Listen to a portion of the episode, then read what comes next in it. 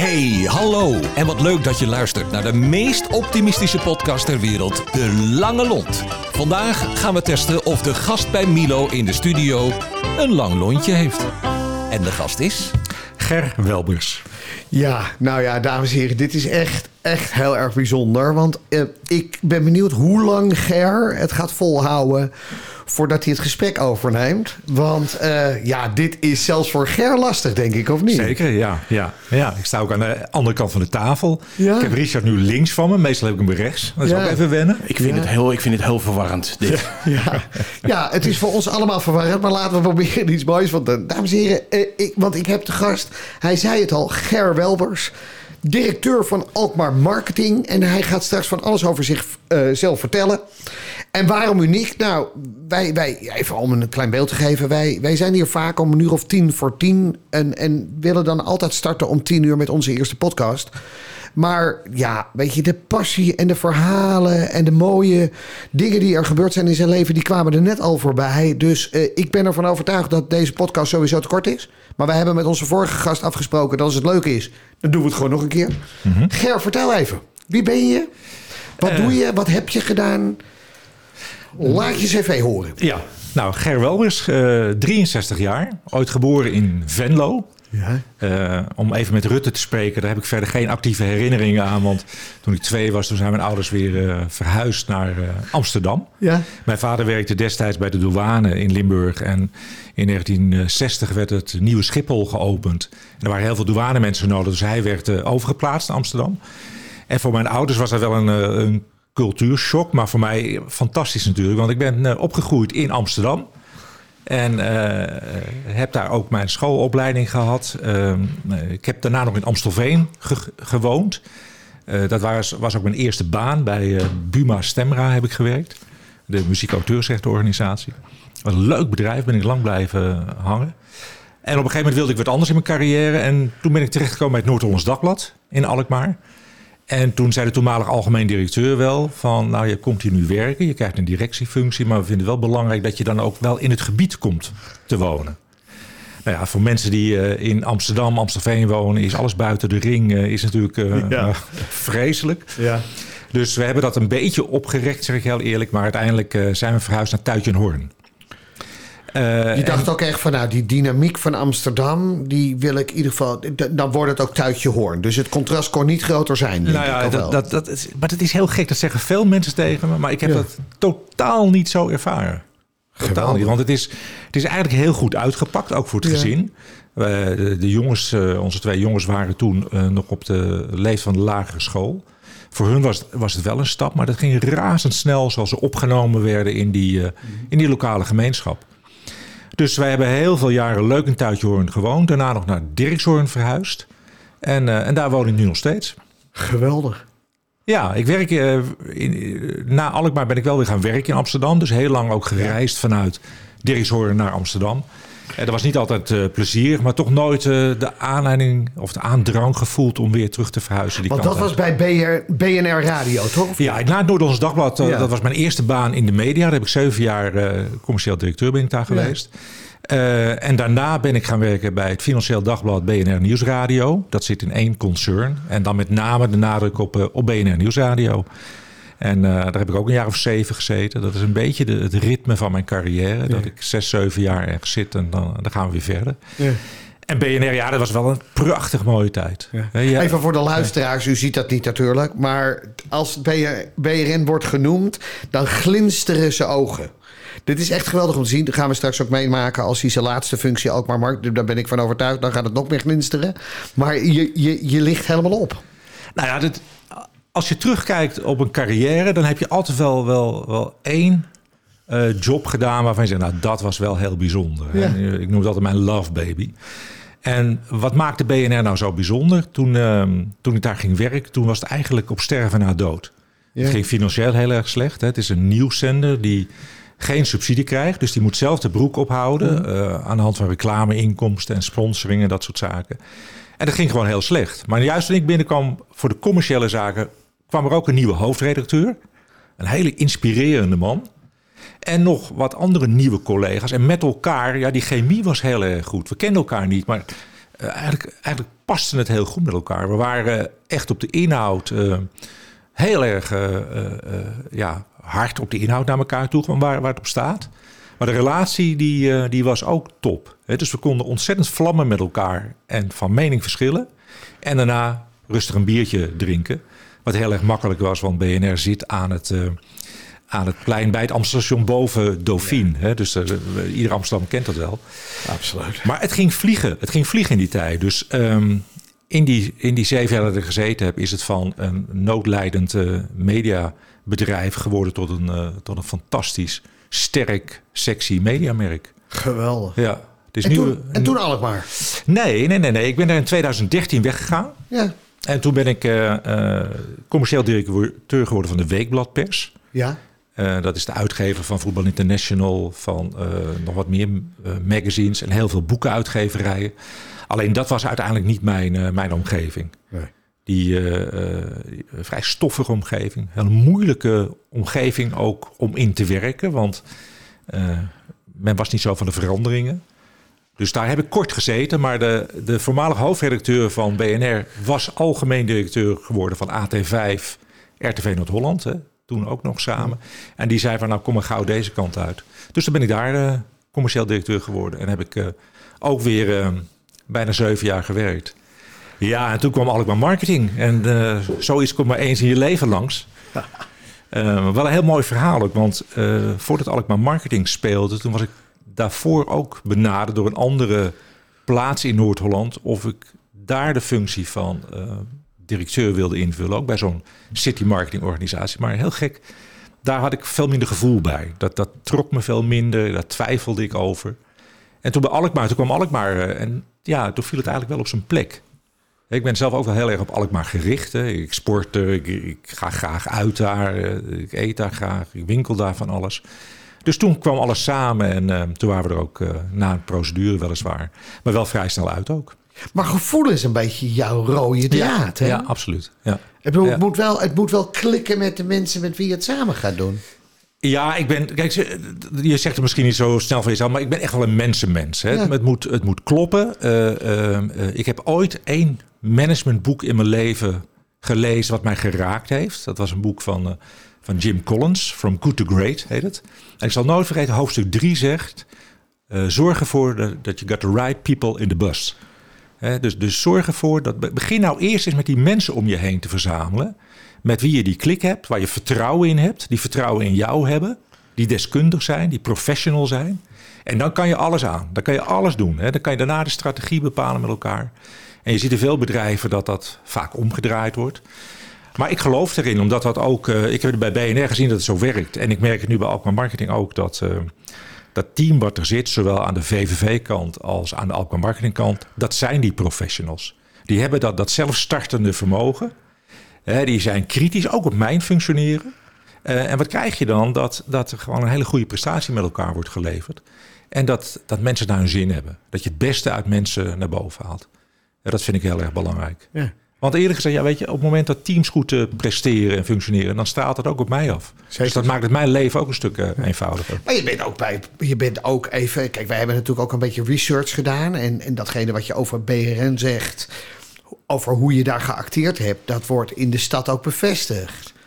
Maar je bent ook gewoon een heel optimistisch mens, toch? Ja, ja dat, dat zit heel erg in me. Ja, ja dat komt ook omdat. ehm, het, het is ook als je wat ouder wordt, dan zie je natuurlijk ook om je heen dat een aantal zaken, bijvoorbeeld op het gebied van gezondheid, helemaal niet zo vanzelfsprekend zijn. Nee. Hè, en ik, ik ben gezond. Eh, het, het, het zit mij mee in het leven. En dan denk ik, ja, weet je, dat, dat, dat gevoel, eh, en zeker op zo'n dag als vandaag, als je 's morgens wakker wordt en je zit in de tuin je eerste kopje koffie te drinken, ja, dan denk ik, het leven is gewoon heel mooi. Ja. En dat, dat, dat, dat, dat, dat, dat past er niet bij. Ik vind ook dat we in een van de mooiste landen ter wereld leven. Ik heb mijn vorige banen heel veel gereisd, heel veel gezien ook. En we beschouwen dat altijd zo als vanzelfsprekend hè, hier in Nederland. Dat het met de gezondheidszorg allemaal zo top voor elkaar is. Dat onze infrastructuur goed is. Hè, dat alles is eigenlijk voor elkaar. En dan denk ik, ja, daar heb je ook geen enkele aanleiding om, eh, om te zeiken of te zeuren. Maar ben je wel eens geïrriteerd, geërgerd dat je. Dat je... Ehm, ja, dat, het zijn wel dingen die mij natuurlijk ook wel. eh, ik heb bijvoorbeeld met de politiek in Nederland. Ja? Ja, dat ik, dat, wat, wat recentelijk weer gebeurde met dat. eh, dat iemand iets leest op een blaadje van mevrouw Ollongren. en dat een Ja. Tweede Kamer daar een aantal dagen over kan praten. Ja, dat vind ik echt onbestaanbaar in deze tijd. Want jij zegt gewoon hup door, weet je, gebeurt en... Nou, kijk, wat ik vind is. ehm, ehm, of je kijkt naar een bedrijf of in een familie. Natuurlijk wordt daar over mensen gesproken. En ook in, in, in, in managementteams en in directieteams wordt Ja. gekeken van... is er een fit? Of, eh? Want je, wil, je moet een prestatie leveren. En op het moment dat je zegt... we hebben ervaring met een, met een eh, eh, Tweede Kamerlid... die nou, niet, niet het lastig maakt, maar wel op een bepaald aantal dossier- dossiers zit. Ja, je moet dat koesteren, want dat vind ik wel heel belangrijk. Maar dan moet je je wel afvragen van... kunnen wij daar als kabinet dan vaart mee maken... en de problematiek oppakken zoals we dat moeten doen? En als de uitkomst dan is, nee, dat, dat past niet echt... dan moet je daar open over kunnen praten. Maar er wordt eh, daar in, in Den Haag gedaan alsof het eh, een en al integriteit is. En eh, zo zit het leven niet in elkaar. Ik geloof er niet in. En ik vind dat je kijkt hoeveel ondernemers het heel moeilijk hebben in deze tijd. En dat je dan twee dagen lang over zoiets praat. En dan denk je, dan ben je ook een beetje wereldvreemd eh, Ja, ja. aan het worden. Maar goed, volgens mij is dat het grote probleem van de politiek... dat die wereldvreemdheid Ja. alleen maar toeneemt. Ja, ja. Ja, kijk, kijk, dus, dus daar zit wel een irritatiepuntje van me. En ook wat ik eh, wel jammer vind in deze tijd, hebben we met corona ook gezien, waar eh, iedereen een mening heeft, wat natuurlijk heel erg goed is, maar ook vindt dat die eigen mening de mening van iedereen moet zijn. dat, je, dat je moet opleggen. En, Ja, ja. ja. weet je, de- ik, ik ben niet geïnteresseerd in, al, in die 16 miljoen meningen. En vroeger hadden we het alleen bij voetbal. Ja. Hè, zeiden we hebben 17 miljoen bondscoaches hebben. Maar Ja. nu hebben we bij corona hebben we ook 17 miljoen eh, deskundigen. Ja, ja. Iedereen vindt tegenwoordig wel Ja. wat. Maakt jou het meest trots? Ik bedoel, Nou, wat mij trots maakt is, is toch wel eh, eh, het leven wat ik geleid heb tot nu toe. Ik heb twee fantastische zonen. ja, wat de ene, ik bedoel, daar ben je, ik, daar hebben we toevallig een paar weken geleden met elkaar over gehad. Is, is, is, is F&B-manager, hoteldirecteur? Nou, hij is hoteldirecteur in Amsterdam. ja, van, Ja. Een, van een nieuwe keten, begreep ik toch? Nou, van het Banks Mansion Hotel. Ja. Prachtig hotel aan Ja. de Herengracht. Ja, Gaat er allen heen. Ehm, Ja. Ze hebben het overigens heel moeilijk nu, want het is een hotel wat, wat met name gericht is op de Amerikaanse markt. Ja, de Ja. Amerikanen die Ja. zijn even niet te vinden in Amsterdam. 2024. Ja, ja zo, zo zien ze dat ook. En de andere zoon heeft een, eh, is marketingmanager bij eh Barton Ursem, grote automobielbedrijf in Noord-Holland. Oké. Dus die jongens. eh, die En met hem spar je ook een beetje over, over marketieren en dat soort zaken. Zeker, ja, absoluut. Ja, ze weten mij te vinden. eh, dat vind ik ook altijd leuk. Als ze dingen, als ze rapporten moeten schrijven of ze eh, willen is gewoon even klankborden, dan komen ze bij hun eh, oude vader langs. En dan, dan hebben we het erover. Dat vind ik zelf heel erg leuk, want je ze zeggen wel eens opvoeden houdt nooit op, hè? Maar dat, dat is in de, aan de ene kant ook zo, maar ik merk wel dat het, dat het verschuift. Hè? Want ik leer van hun. Juist heel veel. Ja. En waar zij in het verleden van mij dingen hebben overgenomen, is nu bijna het omgekeerde aan de, aan de gang. Nou ja, en gezien je leeftijd zeggen ze waarschijnlijk over een jaar of drie, vier tegen jou ga je lekker om tien uur naar bed. Weet je, dus wat dat betreft begint dat natuurlijk ook wel weer heel langzaam te veranderen. toch? Nou, dat, dat hoop ik niet. Maar eh, nou, het is wel leuk om te zien. En ik heb twee, eh, twee hartstikke lieve kleindochters inmiddels. Oh, wat goed. Ja? Ja, en eh, alles, alles gaat lekker en goed in het leven. En dat, Ja. ja, dat Waar, waar, waar word jij naast dit, hè? Want je begint wederom. Waar word jij echt ongelooflijk blij van? Ehm, ja, dat zit hem wel in momenten. Hè? Ja. Als ik eh, door Alkmaar loop en Ja. de zon schijnt, dan word ik blij. Dan word ik blij en dan zie ik eh, ja, die, die, die oude binnenstad om me heen. Ik zie die mensen, die, eh, ja, die, die vibe die je dan voelt, daar word ik blij van. Maar ik word ook blij van een, ehm, een heel mooi glas wijn of, een, of, een, of ergens lekker eten of een mooi boek. Ja? Of- Is je laatst gelezen boek? Grand Hotel Europa van. Ilja Pfeiffer. Fantastisch mooi boek. Ja. ja, ja.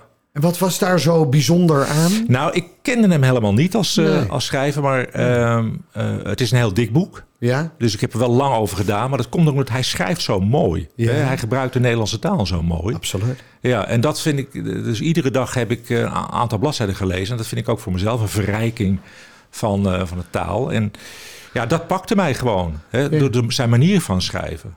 Zijn manier van schrijven. De, en, en met de snelheid die erin zat. Hè, niet te traag en ook niet te snel.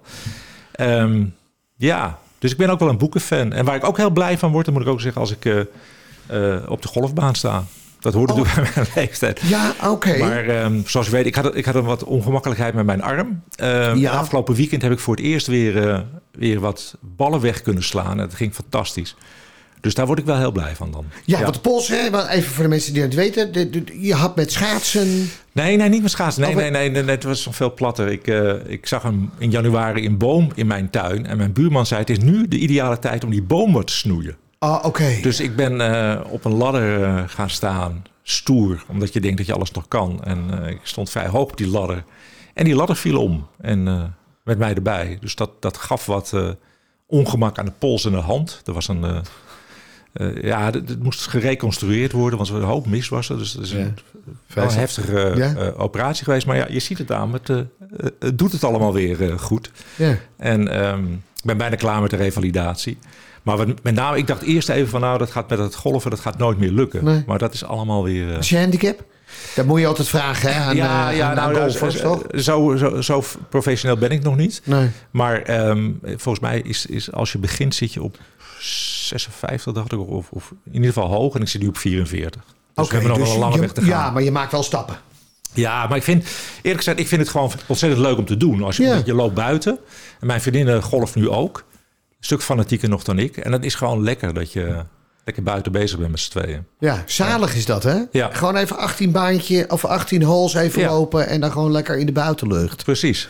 Ja. hey, als je nou eens... Kijk, deze podcast hebben wij gemaakt in dit geval... eh, vanwege het feit dat we, dat we zagen dat mensen geïrriteerder raakten. Korte lontjes. Het mooie is dat ik denk dat we wel even op zomervakantie moeten. Want ik merk Ja. nu dat de lonten allemaal weer heel lang worden... vanwege het prachtig mooi weer. Sterker nog... Er staan bij ons ook in de stad bij tal van winkels echt honderden mensen te wachten in setjes van twee op anderhalve meter voordat ze naar binnen kunnen. Er heerst een enorme beleefdheid in de stad. Hulde aan alle inwoners en alle bezoekers van Alkmaar, denk ik dan zomaar. Ja. Terwijl kort geleden nog roepen, "Oh, ik wil geen politieagentje spelen. Nou, zij hebben bewezen dat het helemaal nodig is. Maar wat wil je met die stad? Ik bedoel, wat is, ik bedoel, als we daar naar kijken, hoe zie jij in de toekomst uiteindelijk Alkmaar voor je? Nou, de stad is voor, voor mij ook de regio. Ja. En als ik kijk naar, naar, naar ons als regio Alkmaar, wat ik dan Ja. zie is een, is een stad met een prachtig eh, historisch centrum. Ja, Met een heel goed aanbod eh, aan winkels. ja, Kan nog, kan nog wel wat beter. Moet ook oppassen dat er niet veel leegstand gaat ontstaan. ja. Maar wij zitten in die regio eh, op een unieke plek. Want op een dag als vandaag, met eh prachtig heerlijke zon... kan je ook zeggen, ik ga lekker eh, naar het strand toe. Of je gaat heerlijk eh, fietsen in het buitengebied. En dat realiseren we ons nog niet altijd... dat eigenlijk die regio Alkmaar waanzinnig sterk is... als je kijkt, wat is er allemaal te halen en te doen. Hè, dus als je vraagt waar zit, waar zit onze toekomst, dan denk ik wel dat je met een aantal kernen, bijvoorbeeld Bergen en Schorl, eh, de uitdaging hebt van kunnen we daar meer, meer spreiden en bezoekers laten zien dat het op andere momenten rustig is. Als je dan wil komen mountainbiken, je bent altijd van harte welkom, maar doe dat dan, dan op een ander moment, dan heb je veel meer ruimte. Hè, dus dat we, ehm, want wij werken sinds 1 januari ook voor Bergen en Castricum, doen we ook de marketing. Ja. Dat je, dat je eh, en dat is een taak voor ons dan, meer gaat inzetten ook echt op, op het spreiden van die bezoekers. Op die kwalitatieve bezoekers die, ons, die ook echt willen genieten van hetgeen wat wij te bieden hebben. Ja. Hè, dat vind ik zo'n voordeel als je kijkt naar eh, bijvoorbeeld Amsterdam. Maar in Amsterdam is het natuurlijk helemaal misgegaan met al die blowende eh, eh, Engelsen met dikke buiken en zo. Dat hebben we hier in dit gebied niet. we hebben ja, heel veel Duitse wij- gasten. Die hebben wij wel achter de knoppen staan, hè? Dus die houden we dan. Ja, die precies. Maar die dat, zolang ze binnen zijn is prima. Ja, goed. Maar ehm, wij krijgen heel veel Duitse gasten. En dat zijn gasten die komen hier van, van jongs af aan met hun ouders mee.